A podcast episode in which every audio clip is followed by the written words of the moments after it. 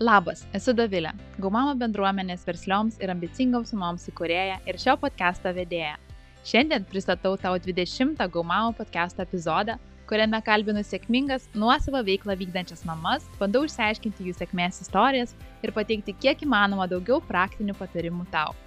Šiandien kalbuosi su Vitalija Maksvytė. Vitalija yra net keturių vaikų mama, leidyklos Alma Litera leidinių vadovė, redaktorė, lektorė ir kūrybininkė. Ilgą laiką dirbusi su autoriais, Vitalija suprato, kad dažnam trūksta knygos kūrimo žinių, leidybos proceso išmanimo ir palaikymo rašymo procese. Todėl pamažu pradėjo konsultuoti kitus ir padėti parašyti ir išleisti sėkmingas knygas. Su Vitalija kalbėjome apie tai, ką reikia žinoti norint parašyti knygą, nuo ko apskritai pradėti ir kur kreiptis, norint išleisti knygą. Kaip atrodo knygos išleidimo procesas, kokius teisinius dalykus verta žinoti, į ką atkreipti dėmesį bendraujant su leidėjas ir daug kitų ypač naudingų patarimų, kurie tikiuosi tikrai įkvėps tave parašyti knygą. Na, o jei patinka šis pokalbis, labai noriu tavęs paprašyti pasidalinti šiuo podcastu savo Instagram ar Facebook stories ir pažymėti gaumama.lt. Tai padės man pasiekti ir įkvėpti dar daugiau šaunių veiklių moterų kaip tu ir pasidalinti dar daugiau sėkmės istorijų. Na, esi pasiruošusi? Klausom pokalbio ir pradedam. Ir tavo galvoje kirba idėja pradėti nuosavą veiklą, o gal jau turi verslą ir nori jį perkelti į dar aukštesnį lygį? Gaumama klubas kaip tik tau. Čia renkasi verslios mamos, kurios nori palikti pėdsaką, susikurti stabilias pajamas ir yra pasiryžusios nuversti kalnus dėl savo sėkmės.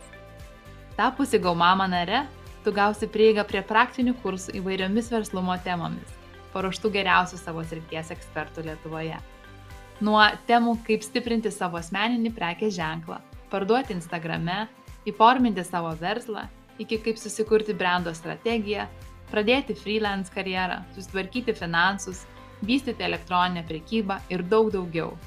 Taip pat kiekvieną mėnesį čia rasi vis po naują kursą galėsi dalyvauti klausimų atsakymų sesijose, narių mastermind sesijose, sudalyvauti karštoje kėdėje, gauti daugiau viešumo, o svarbiausia - būti apsupta vienintelės tokios Lietuvoje veiklių mamų bendruomenės, kuri yra ypač stipri, aktyvi ir palaikanti vieną kitą, kad niekada nesijaustum vieniša ir nesuprasta šiame sunkiame verslo vystimo kelyje.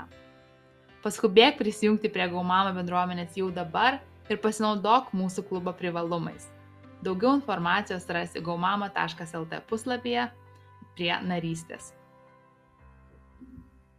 Labas Vitalija, labai smagu, kad šiandien prisijungiai ir sutikai pasidalinti savo istoriją ir kartu duoti patarimų kitoms mamoms, kaipgi iš tikrųjų parašyti knygą ir ją išleisti. Tai esi mama, esi kalbos redaktorė, esi kūrybininkė ir daug kitų rolių. Tai kaip pati save apibūdintom, pristatyk ir kas esi ir kuo užsimi. Na, iš tikrųjų, tai pasakai, kad esu daug, tai gal esu praėjusi daug ir sukaupusi daug patirties, na, o dabar save pristatyčiau kaip keturių vaikų mama, jeigu kalbam apie mamystę. Nes auginu keturis vaikus nuo 13 metų iki vienerių ir kaip leidybos konsultantė, leidėja, na ir kūrybininkė, nes taip kūryba yra kūrybininkė, autorė, kūryba yra viena iš mano mylimiausių sričių, tai žodžiu, dera daug dalykų. O kaip leidėja, kaip leidybos konsultantė iš tiesų esu nuėjusi ilgą kelią, kaip ir minėjai, nuo kalbos redaktorės, netgi sakyčiau, nuo tekstų rinkėjos, nes pirmas darbas buvo rinkti tekstus E, per kalbos redagavimo patirtį, per kūrybinių darbų rašymą, per darbą su leidybiniais projektais iki šitos vietos, kur esu dabar. Tai šiandien kuo užsiemi ir um, nes minėjai, kad esi leidybos konsultantė, tai kaip tai atrodo ir kokias paslaugas teiki? Na, iš tiesų padedu autoriams, kurie nori suprasti kaip e, išleisti knygą, na, pirmiausia, gal net ne kaip išleisti, o kaip ją parašyti, bet iš tikrųjų kartais ateina žmonės dar tik su knygos idėja ir pradeda nuo to, kaip išleisti, nepagalvodami apie tai, kad pirmiausia reikia parašyti, o kartais ateina tie, kurie turi labai aišku klausimą, kaip parašyti, arba netgi jau turiu parašytą knygą, bet jaučiu, kad kažkas yra ne taip, gal galite pažiūrėti. Tai esu dirbusi keliose leidyklose ir tikrai mes gaunam labai e, daug rankraščių kaip leidėjai, rankraščių vertinimas arba idėjos vertinimas, nes kartais autoriai ir į leidyklą siunčia tik idėją, dar ne rankraštį, yra vienas iš pirmųjų leidybos darbo laiptelių, etapų. Ir tikrai, na, toks yra smagus ir įdomus darbas su visai nemažais iššūkiais, nes reikia atpažinti gerą kūrinį, reikia atpažinti mm, perspektyvų autorių, autorių, kuris gali būti įdomus skaitytojams ir tikrai iš daugybės rankraščių atsirinkti tuos pačius geriausius. Na ir e, šiuo metu, va, e, kol buvau vaiko priežiūros atostogose, tai irgi netinginiavau ir e, padėjau kelioms autoriams ir autoriams, autoriams ir autoriams, kurie dėl vienokių ar kitokių priežasčių na, kreipėsi į mane, vieni tiesiog norėdami pas, paprašė pagalbos įvertinti rankraštį prieš duodant į leidyklai, kiti yra nutarę leistis knygas patys arba gavę neigiamus atsakymus iš leidyklų ir tada galvoja, kas yra ne taip, kodėl vis dėlto aš nepataikiau, kodėl rankraštis leidėjų nedomina. Tai teikiu tokias konsultacijas ir iš tikrųjų tai yra labai smagus ir daug malonumo ir daug džiaugsmo ir prasmės teikiantis darbas. Mhm. O papasakok truputėlį mūsų klausytėms apie savo kelionę, nes um, tavo patirtis gana išskirtinė. Um, tave dažnai knygų autoriai vadina knygų dula, tai kodėlgi dula ir iš ko atėjęs šis žodis? Gerai, geras klausimas, ačiū tau. Iš tikrųjų, taip, įvedam, į, įvedam į Lietuvos rinką visiškai naują specialybę, veiklos apibūdinimą, knygų dula, taip, tai mane pakrikštėjo knygų autoriai. Kodėl? E, dėl to, kad aš imu ir suderinu dvi tokias regis skirtingas veiklas, kurias esu išbandžiusi abi praktiškai. Vieną, praktiškai vieną jau minėjau, tai yra mano pirmoji profesija. Aš esu baigusi e, filologijos, vėliau literatūrologijos studijas. Taigi esu diplomuota uh, kalbos ir literatūros žinovė ir, kaip ir sakiau, turiu labai vairios darbo patirties su tekstais. Pradėjau nuo paties žemiausio laiptelio, sėdėjau leidyklai, surinkinėjau tuo metu dar tekstus iš rankraščio į kompiuterį, vėliau, vėliau pati rašiau tekstus labai vairius, užsakomuosius, vėliau tapau kalbos redaktorė irgi dirbau su labai vairiais tekstais. Tada atkeliavau iki leidyklų.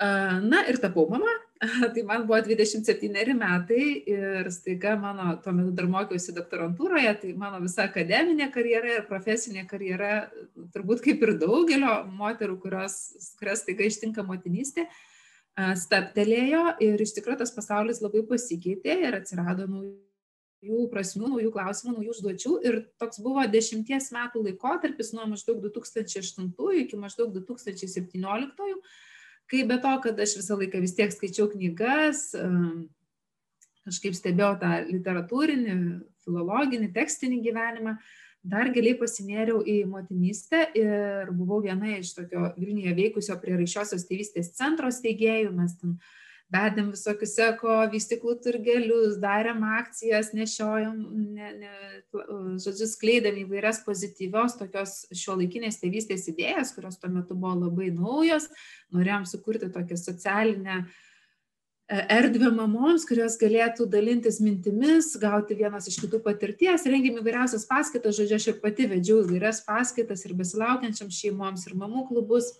Ir vienas iš mūsų prieraišiosios tėvystės centro projektų, mano labai mylimas, buvo e, dulų įvedimas į Lietuvą. Tiesiog po pirmo vaiko gimimo, po pirmos dukters gimimo supratau, kad na, labai būčiau norėjusi, kad šalia manęs būtų moteris, kuri e, būtų tik dėl manęs, na, ne dėl personalo, ne dėl e, kūdikio sveikatos, bet tiesiog pabūtų su manimi visą laiką, kol aš esu gimdykloje, aišku, šalia manęs tuo metu buvo ir vyras, bet supratau, kad jam taip pat baisu ir jis nežino tų atsakymų, daugelį klausimų ir, ir kartais galų gale nori ir išbėgti ir atsigerti ir pavalgyti ir palisėti. Tai kad dar vienas žmogus būtų buvęs visai nepro šalį, na ir Lietuvoje tuo metu dar apie dulas buvo mažai kas girdėjęs, keletas e, tik tai išskirtinai tokių besidominčių medikų ir ir, ir žmonių, kurie grįždavo jau iš kitų pasaulio šalių ir buvo susidūrę su dulomis. Tai va, tai ta svajonė tapo realybė, jau mes Lietuvoje tikrai nuo 2012 turime dulų asociaciją, dulų tikrai nemažą būrį veikianti ir aš pati esu kaip dula nemažai dirbus ir konsultavusi nemažai ir porų, ir šeimų, ir lydėjusi į gimdymus, ir patarusi po gimdymo. Ir kažkaip, kai grįžau darbo leidykloje, supratau, kad na, tai labai dera, kad autoriai išnešioti, pagimdyti knygą yra taip pat svarbu, taip pat jautru, kaip ir mamai pagimdyti savo kūdikį. Ir uh, tok, tokio prieimo prie autorius, uh, na, niekas nesiūlė, arba bent jau aš nesutikau žmonių, kurie derintų tą tokį ir, ir coachingo, ar psichologinio tokio konsultavimo uh, uh, dėmenis su tuo leidybiniu konsultavimu, nes mes tikrai su autoriais dirbam ir ties idėjos išsigryninimu, ir ties intencija suvokimu, kodėl, kam aš rašau tą knygą, kad e, tikrai užbėgtume įvairiems paskui trikdžiams už akių, nes kartais pasirodo, kad galbūt knygą noriu parašyti tik dėl to, kad turiu kokią nors neįsipildžiusią svajonę, kurią tiesą sakant galiu patenkinti ir kokiais nors kitais būdais. Tai intencija arba tas pradinis išeities taškas yra labai svarbus. Ir kaip dula, aš kada mm, keliauju su moterim, su besilaukiančia moterim, tai mano pagrindinis tikslas visada yra atliepti moters poreikį ir nevadovauti jai, nesakyti, kaip turi būti, bet uh, padėti jai suprasti, ko jinai nori, ko, ko jinai siekia, kokius įrankius renkasi, padėti rasti informaciją, jeigu ji jos nežino, padėti tuos įrankius įgyti, bet nevadovauti ir nebūti griežtai mokytojai arba direktoriai, kuri pasako daryk taip arba kitaip. Tai šiuo atveju ir su autoriais elgiuosi taip pat, tikrai stengiuosi išgirsti autoriaus poreikį, ko jis siekia ir gali būti, kad tai, kas iš pirmo žvilgsnio irgi atrodo kokia nors labai krizė idėja neįgyvendinama, kad įsiklausius, išgirdus autorių, neturint iš ankstinės nuostatos, kad tai neįmanoma, arba tai neveikia, arba to negalima, kad vis dėlto, na, tie stebuklai vyksta. Tai, žodžiu, autoriai mane taip pakrikštėjo, man visai patinka tas knygų dulos pavadinimas ir visai su džiaugsmu aš jį naudoju. Labai gražus pavadinimas iš tikrųjų ir man jisai labai patinka ir um, manau, kad daugumoje srityje tą tokį dulos vaidmenį galima būtų pritaikyti, įsiskaitant į būtent tas vertybės, tą, mm, tą tokį jausmą, kurį dula suteikia moteriai, suteikia žmogui, tą tokį žinomumo, stiprybės jausmą. Tai tikrai superinis pavadinimas ir manau dar ne viena mūsų gal ir pasiskolinsim jį. O kokioje stadijoje dažniausiai pas tave ateina autoriai, kreipiasi tave, ar kai jie pradeda rašyti knygą, ar kai jau turi parašę knygą ir galvoja, kad, na, kažkas gal visgi ne taip, tai gal gali pasidalinti.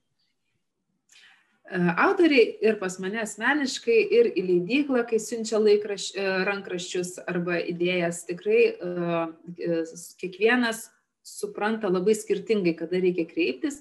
Sakyčiau, kad tokie dažniausi atvejai tipiniai tai yra a, pirmas toks, kada pradedama dirbti su idėja. Tai reiškia, kad aš turiu idėją, aš ją aprašau, manau, kad jinai yra svarbi, reikalinga, a, jinai gali tapti puikia knyga ir tiesiog siunčiu leidyklai pačią idėją. Tai visai neseniai man skambino moteris, kuris sakė, žinai, aš turiu idėją, noriu parašyti pasaką vaikams, dar neturiu nei vieno žodžio užrašyto, bet labai tikiu, labai noriu, labai reikia.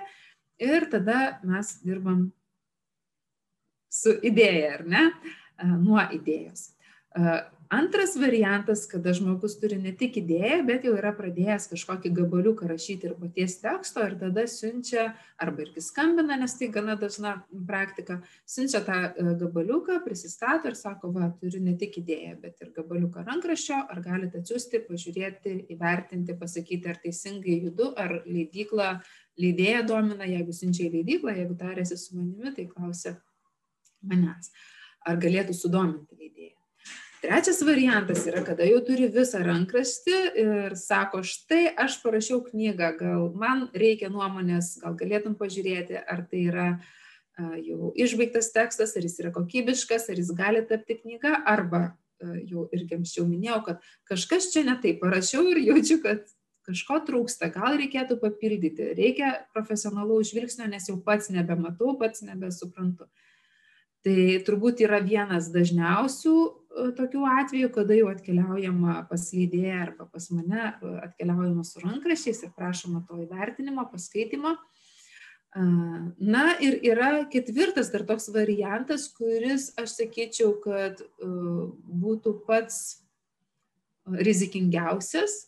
Tai yra, kada atkeliaujama jau ne tik su rankrašiu, bet ir jau su tokiu, kaip ir su knyga, tik tai dar ne popierinė ar ne. Uh, kada e, autorius pats investuoja ir į maketą, ir į knygos dizainą, susiranda dizainerius ir įsivaizduoja, kad jeigu mes kalbam apie leidyklą, kad leidėjas tiesiog laukia sumaketuoto kūrinio ir tiesiog jį išspausdina ir tiek. Tai taip nėra. Iš tikrųjų, leidėjui nereikia nei, kad autorius sumaketuotų, nei, kad autorius dailininkas surastų, netgi nereikia, kad suredaguotas būtų tekstas. Leidėjui tai nėra svarbu, leidyklos turi savo komandas, profesionalų, kurie dirba su tekstais ir tikrai kokybiškai parengia juos spaudos darbams, nebent autoris yra dailininkas, tai aišku, kad tada mes norim, kad jis tas iliustracijas nupieštų ir pristatytų bet yra buvę atvejų tikrai ir dažnai turbūt būna, ir autoriai tą galėtų papasakot, kada vas investuoja į knygą ir jeigu lydėjas susidomi idėją, tai iš tikrųjų ir permaketoja, ir kitus dailininkus suranda ir, ir tada tai būna, na, tokia investicija į nieką, ar ne. Tai aišku, tai negalioja savilaidos atveju, jeigu autorius leidžia pats, tai jis tikrai turės viską susižiūrėti ir susirasti savo komandą. Kita vertus, prieš kreipiantis į kažkokį profesionalą, konsultantą, nebūtinai mane, bet į bet kokį kitą šios ryties profesionalą, vis dėlto sakyčiau, kad prieš maketuojant, prieš ieškant iliustracijų, prieš ieškant dailininko reikėtų pasitarti, nes jeigu mes taisome, sakykime, tas pačias kalbos klaidas, jų yra apščiai palikta makete, tai vėl iš naujo reikės permaketuoti ir tiesiog kuo anksčiau jūs pradėsit tartis, tuo mažiau klaidų išvengsite. Ir tikrai kartais būna labai gaila, kai žmonės atkeliauja jau su maketuotais rankraščiais, su iliustracijomis, susiradę iš interneto, prisitraukia nuotraukų ir visiškai nepagalvoja apie autorinės teisės, apie tai, kad kiekvienai nuotraukai reikia autoriaus sutikimo, kad tai kainuoja, nepagalvoja apie, kad spaudos darbams yra reikalinga tam tikra rezoliucija, tam tikra kokybė ar ne tų pačių iliustracijų. Tai va, ir, ir tada ir autorius jau būna labai daug idėjas darbo ir tas darbas, kaip ir sakiau, na, toks gaunasi investicija į niekur, arba netgi ne investicija iš tikrųjų, o toks uh, praradimas ar ne ir laiko, ar kartais ir finansų. Tai čia iki išleidžiant, o dar yra klaidos, kurias autoriai irgi dažnai, ypač kai dar dirba su savilaida, kai nusprendžia patys leisti knygas, tai irgi viena iš tokių klaidų ir atrodo, kad išleisiu, spausdinsiu knygą ir jau tada ji kažkaip tai iškeliaus, visi čia jos norės, tai tikrai pagalvoti apie knygos reklamą, apie pardavimus, netgi apie tą patį sandėliavimą. Ne kiekvienas pagalvoja, kur aš vis dėlto, kai knyga iš spaustuvės atkeliaus, o kur aš ją laikysiu, jeigu jau nutariau leisti pats, tai vis dėlto turėsiu pats išmanyti ir kaip sandėliuoti, ir kaip parduoti, ir kaip reklamuoti, tada jau daug tų įrankių reikia man. Arba vėlgi ieškoti komandos, kuri tai už mane padarys. Tai jeigu žmogus kreipiasi į leidyklą, leidykla iš tikrųjų na, nuima nuo jo visą tą naštą, nes turi komandą, kuri dirba ir su pardavimais, ir su rinkodara, ir su ta pačia kainodara, ir su, ir su uh, kitais visais knygos leidimo ir pardavimo aspektais. Na, o jeigu jis nori leisti pats, išleisti pats, sakykime, dėl to, kad jokia leidikla nesusidomėjo arba dėl to, kad tiki, jog jis gali pats visus tuos, visais tais aspektais pasirūpinti, tai vis dėlto, kaip sakiau, profesionalo konsultacija geriau būtų kuo anksčiau, kad na, kuo mažiau klaidų būtų padaryta. Čia turbūt kaip ir kiekvienoje srityje, tai galioja tie patys dėsniai. Tai mm, Vitalija iš tikrųjų daug e, naudingos informacijos jau papasakojai, kaip atrodo tas procesas knygos rašymo, bet atrodo, jog tikrai projektas yra didžiulis, parašyti, išleisti knygą. Ir net jeigu ir, tarkim, man būtų labai įdomu, mano galvoje turbūt, ar kiekvieno klausytojo galvoje, kuriam įdomu išleisti knygą, tai jau turbūt kirba milijonai idėjų, bet ir kartu, oi, tai ir tą reikia pagalvoti, ir tą reikia padaryti, ir kaip aš čia viską sugebėsiu. Tai gal gali um, trumpai pabandyti apibendrinti, e, kaip atrodo tas knygos rašymo procesas ir ką man reikėtų žinoti. Na, įsivaizduokim, aš dabar ateičiau ir kreipčiausi pas tave ir sakyčiau, e, noriu pradėti rašyti knygą. Tai ką tu man sakytum ir um, į ką sakytum, Dailė, tikrai turi žinoti šituos punktus ir į tuos punktus turi atsižvelgti. Tai jeigu pas mane ateitų Dovilė, ar man paskambintų Dovilė ir sakytų, aš noriu rašyti knygą, ką man daryti, aš sakyčiau, puiku Dovilė, reikia rašyti, nes knygos e, tam, kad būtų parašytos, jos turi būti rašomos.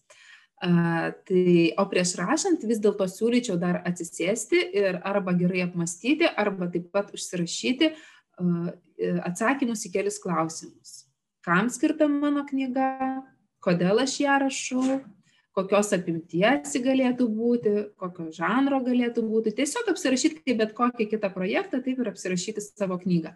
Tam, kad galvoje atsirastų aiškumas, kad netgi pristatant knygą, jeigu vėliau ar parašymo proceso metu norėsi kam nors apie ją papasakoti, tau pačiai būtų aišku. Sakykime, noriu parašyti knygą dviejų e, penkerių metų vaikams. Noriu, kad joje būtų daug paveikslėlių ir papasakota šmeišti istorija apie tą ir tą. Jeigu tu ateisi ir sakysi, mm, aš rašau knygą vaikams, dar nežinau gal apie ką, bet tikrai žinau, kad bus labai įdomi, tai skamba ne taip gerai, ar ne, kaip jeigu tu kalbi konkrečiai. Tai tas aiškumas galvoje prieš sėdant rašyti, žinojimas, ką aš rašau, kodėl rašau ir kam rašau, kodėl, tai sakykime, nes turiu labai gerą istoriją, nuo kurios mano vaikai kaifuoja, arba uh, todėl kad man visada sekėsi rašyti ir noriu išbandyti tavęs ir save šitoje naujoje srityje. Tai tie atsakymai gali būti labai įvairūs, bet jų neturint bus tiesiog daug tokio klaidžiojimo, o juos turint, tu judėsi daug sparčiau. Tai va, tai jeigu Dovilė ateina ir sako, aš noriu rašyti, aš sakau, puiku Dovilė, rašom, rašyk, be rašymo nieko mums neišeis, būtinai turi rašyti, iš galvos kitaip žmonės tavo informacijos neištrauks, bet prieš tai atsakykime į kelis klausimus tai e, kitu atveju jeigu ateina žmogus ir sako žinai aš esu dovilė aš turiu labai gerą medžiagą bet nesiseka man rašyt niekada nesisekė tai mes vėlgi sėdam atsakom į tuos kelis klausimus kokia tai idėja kam ji skirta kodėl tai turėtų būti knygos formatas o ne kažkoks kitas formatas nes tiesą sakant geromis idėjomis netgi geromis pasakojomis mes galim pasidalinti kažkokiais kitais formatais. Ir jeigu tai tikrai yra knyga tai tada galime ieškoti žmogaus į pagalbą, kuris sės ir tą tekstą užrašys taip, kaip na, man norisi, taip, kaip man patinka, taip, kaip yra mano akimis geriausia. Tai gerai, šituos dalykus jau kaip išsigrynom ir tas idėjas ir kodėl, tai kokiame etape aš turėčiau kreiptis į leidėją. Ir ar visgi turėčiau pasiruošti kažkokį mažą prototipą knygos, gal kelis pirmus e, skyrius pasirašyti, ar užtenka man kreiptis tiesiog su idėja ir, na, gal kažkokiu aprašymu, kas toje knygoje bus. Taip, aprašymas, e, kas toje knygoje turėtų būti, tai tikrai prisistatymas, knygos pristatymas ir savęs prisistatymas, trumpas argumentas, trumpa motivacija, kodėl kreipiuosi į leidyklą yra būtini Ir iš tikrųjų leidėjai yra rašto žmonės, jie gauna daug laiškų ir daug pasiūlymų. Taip kad e, tikrai čia kaip ir su gero CV parašymu, tai nėra taip paprasta. Tai siūlyčiau skirti laiko ir tikrai gerai apmastyti e, prieš siunčiant pasiūlymą leidyklai. Kaip prisistatau, ką pristatau, kuo mano idėja išskirtinė, kodėl ją turėtų, kodėl knygą turėtų pirkti, nes kai aš keliauju į leidyklą, aš keliauju iš tikrųjų pas partnerį, kuris investuos į mano idėją, ne? Ir tą reikia suprasti, kad leidėjas yra investuotojas, kuris patiki mano idėją ir deda ten savo laiką, resursus, pinigus ir tikisi gražos. Tai, tai, tai nėra, kad leidėjai leidžia tik dėl to, kad jiems patinka knygos, ar ne? Tai dėl to pristatyti savo knygą, savo idėją, savo produktą yra labai svarbu. Uh, ar reikia prisegti gabaliuką rankraščio, ar reikia prisegti, ar būtina prisegti gabaliuką teksto, tai e, dar kartą, jau regis atsakiau, bet dar kartą pakartosiu, kad tikrai ne. Jeigu jūs turite, sakykime, tinklalaidės, ar ne, kaip tavo dovilė, ir tikite, kad jos gali pavirsti knyga, tai jūs galite sudėti nuorodas į tą turimą medžiagą ir pasakyti, kad aš turiu idėją ir aš ieškau lydėjo kaip partnerio, kuris padėtų man išleisti knygą ir padėtų surasti komandą, žmogų, kuris surašys ar ne. Ir, na, aišku, kad to rankraščio nėra ir jis kažkada ateityje atsiras.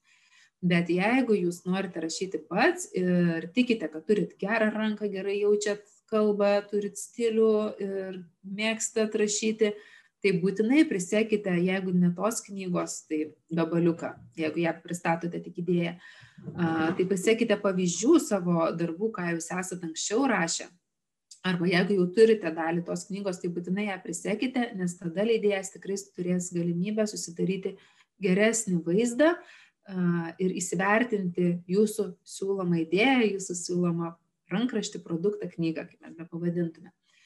Tai uh, ir kartais būna tikrai, kad vienu metu suplaukia, na, yra turbūt ir kiti, jūs esat pastebėję, kad yra toks neįtikėtinas dalykas, kada ore sklando tos pačios idėjos. Ir vienu metu į leidyklą suplaukia per kokį mėnesį arba kelių savaičių laikotarpyje suplaukia uh, pasiūlymai apie tokius, tokias pačias knygas. Tai tikrai mes tada sėdim ir vertinam kiek charizmatiškas įdomus patrauklus yra autorius kokio gerumo stiprumo yra tekstas nes jeigu galima rinktis tai aišku kad rinksimės patį geriausią. O kokiame um, formate tai dažniausiai ta knyga yra dalyjamasi na gal tarkim gal ne visa knyga bet tie um, keli skyriai pirmi ar tai tas rankraštis. Tai ar mes čia šnekam paprastų Word e, formatu, ar kažkaip kitaip, mums reikėtų žinoti, kaip mums prisekti. Leidėjai, kaip sakiau, yra prisitaikę ir gaunantis daug įvairių pasiūlymų, bet tikrai mums yra patogu ir e, tiek dirbant leidykloje, tiek man asmeniškai, jeigu kreiptumėtės į kažkokį konsultantą kaip aš ar kažkokį kitą, yra patogu e, tiek Wordo ar kiti dokumentiniai formatai, bet vėlgi tai yra tie darbiniai formatai, kuriuos jau galima taisyti, redaguoti ar ne, kažkaip komentuoti. Tai kadangi mes kalbam tik apie patį pradinį etapą, kada e, dar nedirbame su tekstu, tik įskaitome, tai drąsiai galima atsiųsti ir PDF-ą, ir netgi galima atsiųsti, jeigu, sakykime, jūs esat blogerė ir rašot tekstus uh, savo blogę, tai tiesiog galima atsiųsti nuorodą į tekstus ir leidėjas uh, ar konsultantas, jis paskaitys juos tokiu būdu. Mhm. O ką dar, e, kitas klausimas, ką dar man reikėtų žinoti, jeigu aš kreipiuosi į leidyklą, tai kaip man suformuluoti tą savo, ar nežinau, pirmą, ar kaip man kreiptis, ar e-mailu, ar paskambinti, ar kažkokiu kitu būdu pasiekti tos žmonės. Tai kaip pasiekti tos žmonės ir kaip sudominti. Iš tikrųjų, turbūt beveik visos leidyklos yra susidėjusios savo svetainėse nuorodas ir informaciją, kaip juos pasiekti. Tai yra Lietuvoje veikia daugybė leidyklų, jos dirba skirtingose šalies miestuose, leidžia skirtingas knygas Ir kai kurios labai išsamei parašo, kokiu formatu, kur kreiptis, ka, kas su jais bendraus, kai kuriuose yra tik bendrasis paštas. Tai aš pirmiausia, ką norėčiau atkreipti dėmesį, tai kad vis dėlto pirmiausia, jums yra labai svarbu išsirinkti pačią leidyklą. Nes leidyklos turi skirtingas auras, ar kaip pavadinti charizmas, ar ne, skirtingus profilius. Leidžia skirtingų autorių, skirtingų žanrų knygas. Ir pažiūrėkite, net jeigu esantis, esate, jeigu skaitantis žmogus, tai pasižiūrėkite, kurių leidyklų knygos jums mieliausios arba artimiausios, kurių leidyklų viršeliai jums patinka, kurių leidyklų autoriai jums patinka. Arba jeigu tai yra kažkokios, kažkokios ryties knyga, tai pažiūrėkit, kuri leidykla leidžia tokios ryties knygas ir tikrai nešaudykite aklai. Ir kai atrasite savo mėgstamą arba leidyklą arba leidėją, kuris jums tiesiog tinka pagal jūsų profilį, tai tada rasite ir informaciją, kur, kaip ir ką siūsti. Na, ar verta skambinti, tai sakyčiau, kad tikrai verta, galit paskambinti, kartais susisieksite tiesiog su administratorė, su kažkokiu bendru žmogumi, kartais gal jūs nukreipsiu tiesiogiai pas leidybos dalykus, rankraščių vertinimą kūruojantį žmogų. Uh, beje, jie skirtingose leidyklose gali būti labai skirtingi tie vertintojai, kartais tai daro kalbos redaktoriai, kartais tai daro kažkokia mm, kitas funkcijas užimantys žmonės, kartais tai daro komisijos leidyklose. Tai yra skirtingos tos tvarkos. Na ir tas gyvas kontaktas tikrai gali labai pagelbėti, jeigu jūs pasikalbėsite telefonu arba netgi susitarsi dėl susitikimo, sakykime, tai pačiai, jeigu pristatot idėją ir esat degantis savo idėją, tai galit prašyti susitikimo ar sakyti, kad na va, aš tikrai jums gyvai viską atnešiu, parodysiu pavyzdžius, papasakosiu, skirkit man pusvalandį laiko. Ir, na, dabar ta yra pandemijos aplinka, ar ne, gal gyvi susitikimai persikeltų į online, bet uh, vėliau tikrai, kai mes vėl išlaisvėsime, gali būti, kad jūs leidėjas priims, išklausys ir tas gyvas kontaktas bus daug naudingesnis negu vien tik tai elektroninis laiškas. Tai uh, vėlgi, belskitės ir bus atidaryta yra toks, ar ne, posakis senas, tai sakyčiau, belskitės ir bus atidaryta. Uh, kita vertus, jeigu gavot iš leidyklos atsakymą, kad ne, tai gal verta ieškotis kitos leidyklos arba pasižiūrėti, kas vis dėlto buvo ne taip, pasitarti, nes vėlgi viena iš dažniausių klaidų, kurias daro pradedantis autoriai, jau turbūt tie, kurie autoriai profesionalai, išleidę daug knygų, jau turbūt to nedaro, bet pradedantis tai labai dažnai e, daro, parašo rankraštį arba jo gabaliuką ir duoda skaityti artimiesiems, draugiams, sesėms, vaikams, tėvams ir visų atsiliepimai yra labai geri ir tada autorius patikė, kad, na, parašiau tobulą knygą ir nusivilia, jeigu leidėjas pasako, kad ne. Tai e, žinokite, kad e, artimųjų ratas yra neobjektyvus skaitytojai. Jeigu jūs norite iš tikrųjų vertinimo iš šalies objektyvaus, tada reikėtų arba ieškotis e, būdų, kaip pasiekti savo tikslinės auditorijos atstovus, kurie nėra su jumis artimai susiję Arba tiesiog siūsti leidėjams, arba siūsti žmonėms, kurie dirba šioje srityje, dirba privačiai ir gali konsultuoti tie patys literatūros srities profesionalai ir, ir prašyti jų įvertinimo. Tai vėlgi e, dažna tokia, gal čia būtų vieta irgi paminėti, kad Lietuvoje yra kažkaip nusistovėjusi tokia įdinga praktika, įdinga tradicija manyti, mąstyti, kad e, rankraščio perskaitimas ir įvertinimas tai yra vienas malonumas tam žmogui, kurį atsinčiau ir už jį nėra mokama. Tai iš tikrųjų, mano akimis, turėtų būti iš karto aptartos sąlygos, jeigu jūs kreipiatės į kažkokį nepriklausomą ekspertą, specialistą, konsultantą, profesionalų kalbos redaktorių arba literatūros kritiką arba literatūrologą. Tai turėtų būti aptartos sąlygos, ko jūs tikitės ir kiek, kiek už to už tai tikisi vertintojas ir, žodžiu, abi pusės turi sudaryti tą sutartį, ar ne?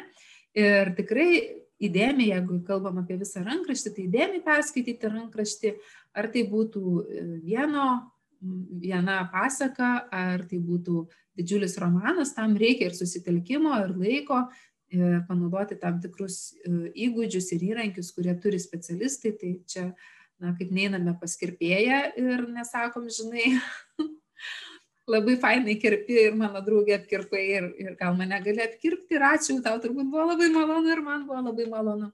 Taip ir šitoje srityje vis dėlto reikėtų laikytis tų pačių, tų pačių taisyklių, tų pačių dėsnių. Ei, ačiū, kad klausai. Norėjau trumpai priminti, kad jei dar nesigau mama nare, labai kviečiu tave tai padaryti.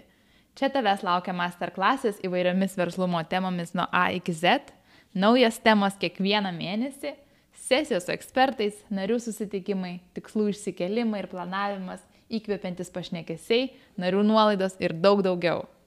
Taigi, grįžkime į pokalbį. O autorin, dėl autorinių teisių pašnekėkim truputėlį, nes um, net vien siunčiant rankraštį ar idėją kažkokiam, uh, kažkokiai leidyklai ar konsultantui, gal netgi dažnam gali pasirodyti, kad, um, na, bet visgi aš išsiunčiu visą savo idėją ir o kas jeigu mane nukopijuos? Ar yra ta rizika iš tikrųjų ir ar reikėtų mums apsisaugoti šitoje stadijoje kažkaip? Aš atsakyčiau taip, kad galvoti apie savo autorines teises, apie savo teisės, tai tikrai yra reikalinga, ta prasme, kad, na, tai jau yra, jeigu aš planuoju tapti autoriumi, planuoju rašyti, tai yra mano kūrinys, mano intelektinė nusavybė ir apie tai reikėtų pradėti mąstyti iš anksto. Uh, bet ir pasitikėti leidėjais. Jeigu mes kalbam apie savo srityje tikrai dirbančius ir savo gerą vardą vertinančius profesionalus, jie nekopijuos ir gerbs jūsų autorinę teisę.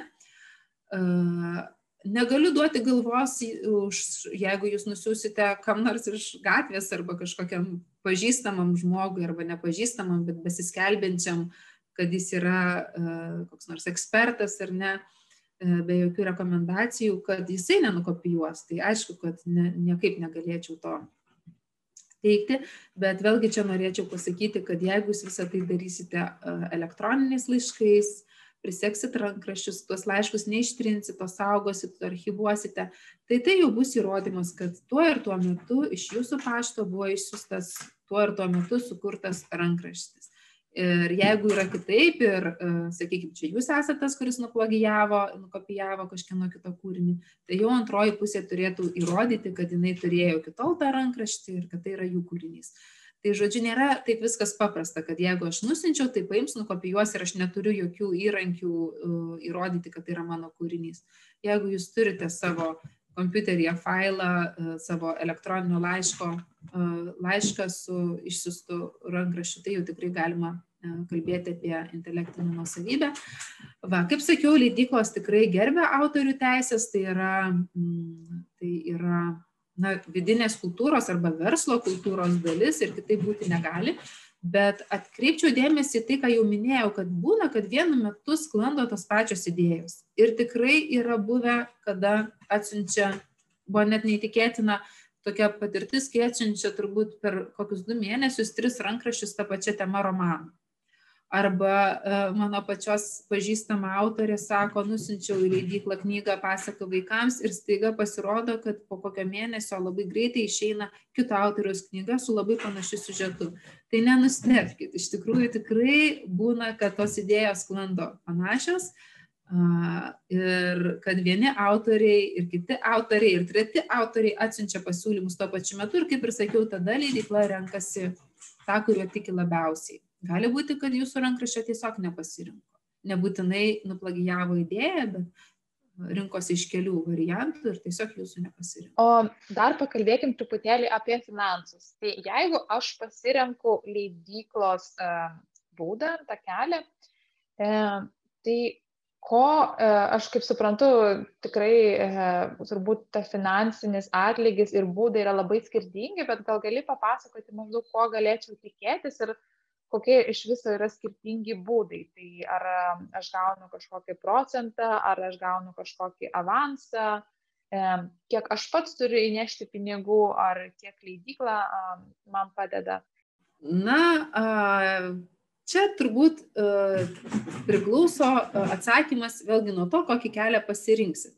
Jeigu jūsų rankraščių pateikė leidėjas, tai investuoja jis, investuoja leidėjas ar ne, jūs jau sudėjot savo žinias, savo kūrybiškumą, savo idėjas, o į patį išleidimo procesą investuoja leidėjas ir jūs galite už tai gauti skirtingais būdais tą finansinę gražą.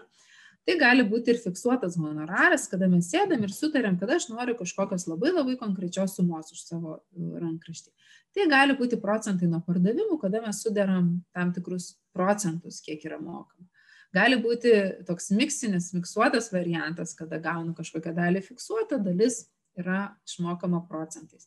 Skirtingos leidyklos ir netgi skir su skirtingais autoriais yra einama skirtingais keliais, nes tie patys ir rankraščiai yra skirtingi, ir tiražo dydžiai yra skirtingi.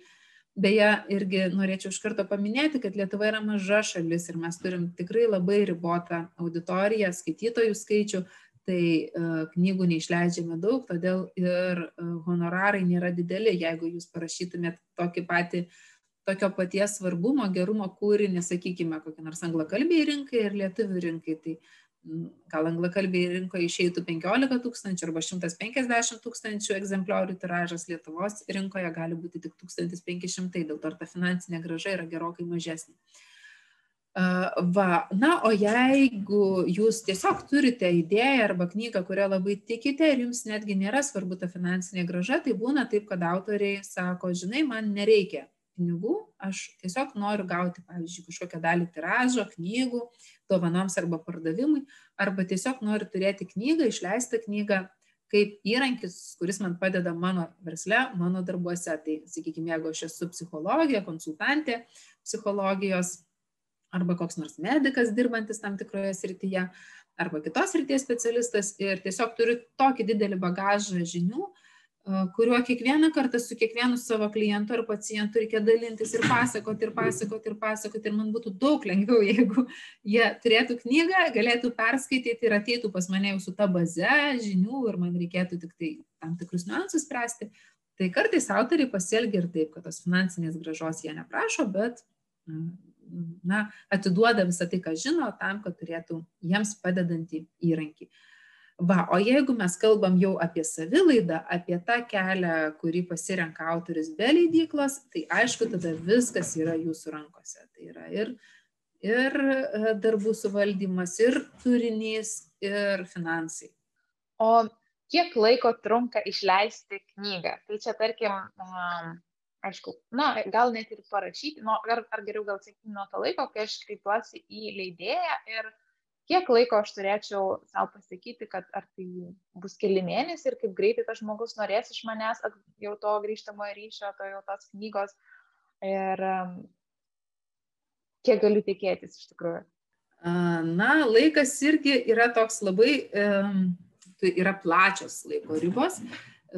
Kartais knyga gimsta per pusmetį, kartais reikia ir keliarių metų. Knygos yra labai skirtingos. Vienaip mes išleisime uh, rankraštį, kuris jau parašytas, atsinti autoris ir nieko nebereikia su juo daryti. Tiesiog sėsti, sumaketuoti ir gali būti, kad tokia knyga greičiausiai netgi už kokių keturių, penkių mėnesių pasirodys. Bet šiaip mes skaičiuojam, kad toks įprastas, trumpas knygos e, pasirodymo nuo rankraščio ateimo į leidyklą iki išleidimo knygos pasirodymo jau fizinio kūno, kurį mes galim pačiupinėti, maždaug pusmetis. Bet jeigu mes turim knygą, kuriai reikia kurti iliustraciją, sakykime, vaikišką knygą, ar ne, tai dar pridėkime tikrai nemažą laiko tarpą dailininkui, kuris sėdės ir kurs iliustracijas ir tada plus pusmetis. Arba jeigu mes atėjome į leidyklą tik su idėja, reikia parašyti visą tekstą ir galbūt net reikia pakalbinti 35 žmonės ir dar pereiti per muziejus, archyvus, surinkti nu, mokslinių tyrimų nuorodas. Tai gali būti, kad vien rašymui ir knygos sudarimui mes užtruksime skirsime kokius dviejus metus ir tada dar geras pusmetis jos sumaketavimui ir išleidimui. Tai toks jau, tokie du kraštutinumai, kada labai greitai gali knyga atsirasti ir kad tikrai iki dviejų, netgi kartais trejų metų, jeigu tai yra ilgas, didelis projektas, gali užtrukti knygos leidimas. Na, bet toks vidurkis, statistinis vidurkis, tai yra maždaug nuo pusmečio iki vienerių metų. Tai tarkim, tiesiog kaip pavyzdys, jeigu norėčiau, esu jau paruošusi knygą vaikams kalėdoms, bet joje nėra visiškai jokių iliustracijų, nieko. Tai sakyčiau, gal dabar dar, dar ir spėčiau, bet jau taip, nes yra, tarkim, balandžio galas, tai jau mažokai laiko. Dar labai priklauso nuo to, kaip tu tą knygą norėtum, um, kam ją skirtum ir kaip norėtum platinti. Nes jeigu tu nori išleisti knygą ir padovanoti savo artimiesiams, nori išleisti pati, padovanoti savo kažkokiam, pavyzdžiui, savo uh, gumamą bendruomenė, ar ne, kur tu tiesiog paimsi, gausi iš spaustuvės knygas, jas gražiai supakuosi, periši kaspinėliu ir išsiųsi. Tai tada ir nori, kad knygos pasiektų tavo bendruomenės narius, nares, pavyzdžiui, gruodžio 15 dieną. Na, tai reiškia, kad kokią gruodžio pirmą dieną būtų gerai, kad jau spaustuvės atkeliautų visas tiražas, tada tu dar turi dvi savaitės, mažiau truputį, maždaug 10 dienų supakavimui ar ne, jeigu Lietuvoje tau per kelias dienas, tada kurjeriai išvežioja. Jeigu jau turėtum išsiųsti į užsienį ir norėtum, kad gautų kitose šalyse gruodžio 15, jau reikėtų atitinkamai didinti tas laiko ribas. Tai reiškia, gruodžio pirmą dieną tau atkeliauja spaustuvės, tai sakykime, kad tu dar tikrai turi gegužė, birželis, liepa, ar ne, rūpjūtis, rugsėjį, spalį, spalį atiduodi spaustuviai, lapkritį išspausdina, tai dar turi tokį visai nemažą gabalą laiko, kur gali, jeigu rasi dailininką, kuris šiuo metu neužimtas, nes dailininkai irgi planuoja savo darbus, kaip ir kalbos redaktoriai, kaip ir dizaineriai, ir kartais gali, jeigu turi labai norimą e, savo srities profesionalą, su kuriuo tu tiesiog svajoji dirbti, tai gali būti, kad teks jo dar ir palaukti kokį pusmetį, ar kada jau jis ant tave įsiterps į savo grafiką. Tai va, bet su, sukrenta visos aplinkybės taip, e, kad dailininkas laisvas, e, tekstas jau parašytas, visi yra pasiruošę ir tu tikrai tokią knygą gali spėti išleisti. Bet jeigu tu nori bendrauti su leidikla ir nori, kad tavo knyga pasiektų per interneto knygynus, per fizinius knygynus, per prekybos centrus ir kitas prekybos vietas, tuos, kurie ruošiasi kalėdams ar nepirkėjus. Tai, na, tu man pasakyk dabar, kada prasideda kalėdinė prekyba? Na, tai jau turbūt kokį spalio vos negalė lapkritį. Taip, tai reiškia, kad knyga jau spalio pabaigoje jinai privalo būti išspausdinta. Tai viskas pasislenka beveik per pusantro du mėnesius. Tai laiko tiek lieka ir atitinkamai mažiau. E, taigi, sakyčiau, kad jeigu sukrenta kortos, taip, kad e, tau tikrai gal tų iliustracijų reikia nedaug, arba tavo knyga bus be iliustracijų vaikams kažkokia, arba labai ten kažkokie kiti sprendimai atsiras, tai galėtum spėti tokiu atveju. Bet jau būtų labai didelė rizika ir geriau būtų palikti Velykoms arba jeigu galvoja apie gražią, iš tikrųjų tokia išmylėtas knyga kalėdams, tai jau planuoti kitiems metams. Ir leidėjai iš tikrųjų yra leidyklos, yra tie žmonės, kurie planuoja tikrai gana iš anksto, kartais metai, dviejį į priekį yra sudaromi leidybos planai na žinoma, bet kada būna, kad įsiterpia, nukrenta tiesiog nuostabi idėja, aktyvus autorius ir tada jis gali labai greitai uh, užgimti ir knyga ir būti labai sėkmingi ir pardavimai, ir susitikimai su tais pačiais skaitytojais, renginiai pristatymo. Tai uh, tikrai nėra vienos taisyklės. Tai iš tavo kalbos dar iš tikrųjų supratau, kad um, iliustratorius knygų iliustratorius irgi yra visai a, nebloga a, pozicija ir a, reikalinga. Taip, tai knyga, knyga jinai turi keletą tokių svarbių žmonių, kurie dirba su ją. Jeigu jau mes be autoriaus, autoriui skiriam daug dėmesio ar ne, tai dar yra žmonės komandoje, kurie tvarko kalbą, žiūri, ar jinai taisyklinga, kalbos redaktoriai, stiliaus redaktoriai, korektoriai, kurie sužiūri pačias mažiausias klaidas. Tada mes turime maketuotojus, kurie dirba, daro maketą. Ir turime knygos dizainerius arba dailininkus, kurie kūrė ne tiek maketą, kiek viršelį arba ir iliustracijas, jeigu tokių reikia. Tai knygos e, dailininkas yra labai svarbus, mes esame vizualus, ar ne? Tai jau nuo šito nepabėgsim tikrai nei mes, nei mūsų vaikai, nebėra tie žmonės, kurie tenkintųsi monotoniškai išdėstytomis vien tik tai raidelėmis ir nesvarbu nei koks viršelis, nei koks popierius. Tai knygos tampa vis gražesnės, vis patrauklesnės, galų gale ta pati konkurencija, ar ne, kad yra daug knygų ir ar pakuotė yra svarbu, lygiai taip pat kaip ir geras turinys. Tai jeigu tavo bendruomenė ir tarp, tarp klausytojų yra tų, kurie gali, nori prisidėti šituose knygos etapuose ir mato savirealizacijos galimybę, tai tikrai ir knygų dailininkai, ir iliustracijų kūrėjai, ir geri redaktoriai yra laukiami, reikalingi vertėjai, jeigu kalbam apie vertimus, yra tikrai leidyklos, leidyklos labai vertina tokius žmonės ir jie yra aukso vertės. Na, o dar norėčiau paklausti, tai iš tavo patirties, ką matai, tai kas prisideda prie knygos sėkmės ir ypač jeigu gal šnekame apie pardavimus?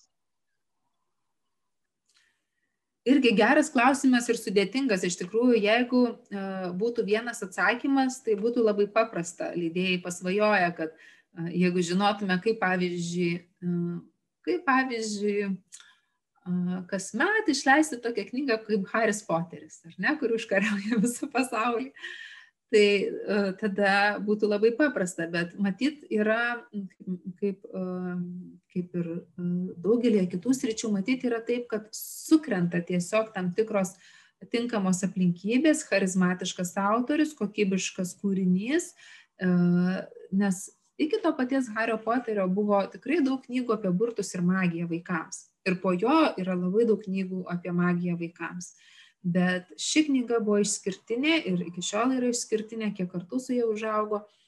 Ir, ir vieno atsakymo, kodėl nėra. Greičiausia, kad yra tiesiog visos tos dalys, e, kurios yra reikalingos knygos sėkmiai, visos sukritusios į tą vieną, į vieną knygą, į vieną laiką ir, ir pasisekė. Bet yra tam tikri kriterijai, pagal kuriuos būtų galima vertinti uh, knygos galimą sėkmę, ar ne, iš anksto. Tai vienas iš jų yra, kiek aktuali yra idėja skaitytojams. Nes aš galiu turėti nuostabią idėją, bet jinai yra įdomi tik man vienam. Tai uh, tada knygos sėkmė, uh, žiūrint tą verslo prasme arba uh, kiek plačiai jinai pasiekia, yra labai abejotina, ar ne? Ir tiesiog, ir nieko čia nėra blogo, yra labai gera įsivardinti tą ir tada ne, neturėti lūkesčio, galbūt, na, nusivylimo netgi, kad niekas manęs neskaita ar neperka. Tiesiog suprasti, kad mano idėja arba mano kūrinys yra unikalus ir jis yra reikalingas gal dešimčiai labai išrankaus skonio skaitytojų Lietuvoje arba dvidešimčiai. Tai idėja. Kitas dalykas yra kokybė. Kiek kokybiškas yra tekstas, kiek jisai gali įtraukti skaitytoją ir išlaikyti jo dėmesį. Ir čia kaip ir geras filmas, arba geras spektaklis, arba gera daina, gali būti puikiai idėja, bet jeigu ji neišlaiko mano dėmesio, jeigu filmo po dešimties minučių man jau yra nuobodu ir aš jį dedu į šalį, tai uh, greičiausiai tai irgi nebus ta sėkminga knyga. Ir jeigu mes net galvotume apie autorių, kuris parašo vieną knygą ir jau svajoja, kad ir antrą, ir trečią, ir ketvirtą norėčiau parašyti ir dar turiu tiek daug idėjų, bet skaitytas nepamilsta ir jis sako, hm, ne, tikrai, nu, nepatiko, ne, nieko neradau ten tokio, neužkabino manęs, arba netgi pasipiktino, kaip galima tai blogai rašyti. Tai greičiausiai, kad jis mano antros knygos nepirks. Viršelis jau sakiau, kad viršelis yra svarbu ir labai svarbus yra autorius Taip yra, yra autorių, kurie taip ir lieka inkognito, paslap, paslaptis, jie net nebendrauja su skaitytais, nėra matomi, bet vis dėlto autorius, kalbant jeigu apie lietuvių, lietuvis rašo lietuvių, lietuviai rašo lietuviams, tai kiek autorius yra aktyvus, matomas, mylimas, yra svarbu. Ir kartais būna taip, kad autorius dar neparašė knygos, tik tai paskelbė, kad jie rašo ir jau žiūrėk, ten 20 tūkstančių gerbėjų sako, kada, kada, kada ir knyga net nepradėjo, dar net nepradėta spausdinti, o jau vyksta kokie nors iš ankstiniai užsakymai. Tai jeigu kalbam apie, sakykime, kažkokios ryties knygą, negrožinę knygą, tai jeigu tai yra mylimas, gerbiamas savo srities specialistas, kuris turi savo sekėjų ratą ir turi žinias, kurių tiesiog reikia skaitytojams, tai tikrai sėkmė praktiškai garantuota. Arba jeigu tai yra autoris, kuris rašo grožinę knygą ir mes pasitikim ir žinom, kad, na, jis rašo gerai, ar ne? Man patiko trys knygos prieš tai ir aš jau laukiu to malonumo, kada paimsiu naują romaną, tai vėlgi tada sėkmė knygai yra garantuota. Ir iš tikrųjų, jeigu jau turi mylinčių skaitytojų ratą, tai mylinčių skaitytojų būri, tai juos nuvilti netgi nėra taip paprasta. Jie atleidžia ir klaidas, kad jeigu vieną knygą išleisi gal ir nelabai gerą, bet kita vėl bus gera, tai jie pas tave grįž. Bet užsitarnauti tą dėmesį, užsitarnauti tokią skaitytojų meilę vis dėlto reikia pirmom, pirmomis knygomis ir dėl to, kaip ir sakiau, yra svarbu tiek turinio kokybė, turinio idėjos aktualumas, kiek kokybiškai parengtas turinys, kiek yra meistriškai įtraukiamas skaitytojas, kiek skaitytojas gauna malonumo arba naudos. Ir yra visai gerai palikti skaitytoją ir su tokiu trupučiu alkio pabaigoje, kad hm, norėčiau, kad būtų dar šiek tiek daugiau, gal keli puslapiai, arba kaip čia baigėsi tiems veikėjams, arba kada tas autoris dar vieną knygą vaikams parašys. Tai va, ir tada tikrai, na, ta tikimybė tapti sėkmingu rašytoju, jinai labai labai išauga. Na, o dar, Vitalija, kokį patarimą duotum tos, kurios uh, nedrįsta, bet labai norėtų parašyti knygą. Tai gal vis galvojama, tai gal, ai, jau visos tos knygos parašytos, gal čia ir nėra man vietos. Taip, kaip ir visos suknelės pasiūtos arba visos salotos patiekalai pagaminti, ar ne? Tai tada būtų toks galvojimas. Iš tikrųjų, mes dažnai statom savo tos draudimus, brėžiam ribas, kad ne, čia ne man, aš negaliu, uh, betgi gyvenimas yra tam, kad bandytume, kad e, sektume paskui savo šypsenas ir paskui savo svajones ir jeigu turiu svajonę pabandyti, tai kodėlgi ne, galbūt nereikia pradėti nuo knygos ir užsidėti savo tokio akmens, kad aš dabar žudbūt turiu parašyti knygą ar niekaip kitaip. Galima pradėti nuo kokio rašymo tuose pačiuose socialiniuose tinkluose, ir ten pradėti drąsiau ir atviriau rodytis ir žiūrėti, kiek kabinu, kiek nekabinu, kiek, kiek mane myli, kiek nemyli, kokius komentarus man teikia. Galima užsirašyti į kūrybinio rašymo kursus, rasti bendraminčių, kurie irgi dabar rašo ir gali palaikyti. Vėlgi aš kaip dula, tai sakyčiau, kad ta saugi aplinka, kurioje, jeigu man yra labai labai nedrasu, labai labai baisu, tai ta saugi aplinka, kurioje aš po truputį stiprėju, mankštinu savo raumenį, save įgalinu, jinai yra labai e, gera terpė mm, ir jos, dėl jos verta, e, jos verta paieškoti. Tai gali būti, jeigu aš esu e, individualistas ir nemėgstu grupės, tai gali būti ir asmeninės konsultacijos, tai gali būti, kaip sakiau, grupinės konsultacijos, arba tiesiog ėjimas vabank kitą viešumą ir pasidalymas, pasidalymas tuo, ką kuriu. Bet, na, rašyti galima išmokti tik rašant, o drąsa atsiranda tik darant. Na, sėdint ant suolelio baseinė ir žiūrint, kaip kiti plaukioja, tikrai plaukti neišmoksi. Po truputį kišam kojų pirščiukus, lendam į vandenį, ieškomės trenerio ir mokomės plaukti. Tai aš drąsinu, palaikau, skatinu ir dar noriu pasakyti, e, pabaigai, kad rašymas man pačiai tai yra ne tik tai dalymosi žiniomis įrankis, saviraiškos būdas, kūrybiškumo, savirealizacijos kažkoks būdas, bet ir visiškai kosminis įrankis um, aiškumui įgyti, netgi terapiniams tam tikriems dalykams, traumams išrašyti, kažkokiems emociniams blokams išrašyti. Tai jeigu jūs įvaldysite rašymą patį kaip įrankį, jūs gausit labai labai daug naudų. Aš pati naudoju, kai man, pavyzdžiui, pasidaro ko nors baisu, baisu, ką nors papasakoti arba eiti kokią nors paskaitą vesti. Aš atsisėdu ir susirašau, kodėl baisu ir ką aš galiu padaryti, kad man nebebūtų baisu, kokie vėlgi tolesni žingsniai man padėtų įgyti tos stiprybės. Ir pasidedu iš savo galvos, tai ištraukiu ir padedu į kompiuterio ekraną arba ant popieriaus lapo, apžiūriu iš visų pusių ir pasidaro truputį drąsiau ir aiškiau, ką dabar toliau aš turiu daryti, kokie yra sekantys žingsniai. Tai va, tai Tai siekite savo svajonių, e, tarkitės tikrai e, šalin perfekcionizmą, metas pradėti nuo mažų dalykų, kad ir nuo tų kelių sakinių per dieną ir pamatysite, kad tie stebuklai vyksta. Vėlgi, dar pabaigai pasakyčiau, kad gali būti, kad jūs suprasit, kad rašyti jums yra sunku ir kad rašyti jums nepatinka ir nieko tokio. Ir turinys, jisai gali pasiekti savo auditoriją labai daugeliu būdų. Ir vieniems tinka kalbėti, kitiems tinka rašyti, tretiems tinka bražyti schemas. Tai nenusiminkit, nėra nieko blogo nemėgti arba negebėti rašyti. Yra daugybė kitų puikių būdų, kaip tas turinys gali įgyti na, kitas formas ir pasiekti pasiekti auditorijos. Tai Vitalija, ačiū tau už labai labai gražius žodžius ir už tokį paskatinimą. E, imtis veiksmų, daryti, nebijoti ir, ir nebijoti suklysti ir suprasti, kad tai yra gal ne mums, bet tai irgi labai gera patirtis tiesiog suprasti ir tai pajausti. Taip, jeigu norėsite su manimi pasikonsultuoti, rasti mane ar kaip dula, ar kaip uh, leidybos konsultantė, ar tiesiog kaip autorė pašneko, pašnekovo pokalbėms, uh, ieškokite manęs www.vitalė.lt. Tai dėkui Vitalija ir ačiū visoms, kurios klausėtės. Ačiū tau. Ačiū tau, kad klausėsi. Naujas įrašas išeina kiekvieną savaitę, tad nepamiršk prenumeruoti Gomamo podcast'o savo mėgiamuose podcast'o platformose. O jei nori sužinoti daugiau apie Gomamo bendruomenę ir kaip ji gali padėti tau susikurti nepaprastai sėkmingą veiklą, kviečiu apsilankyti gaumama.lt puslapyje kur rasi daugiau informacijos ir galėsi tapti mūsų augančios bendruomenės, jungiančios pačias motivuočiausias mamas nare. Čia tavęs laukia masterklasis įvairiomis verslumo temomis nuo A iki Z, naujos temos kiekvieną mėnesį, sesijos ekspertais, narių susitikimai, tikslų išsikėlimai ir planavimas, įkvepiantis pašnekesiai, narių nuolaidos ir daug daugiau.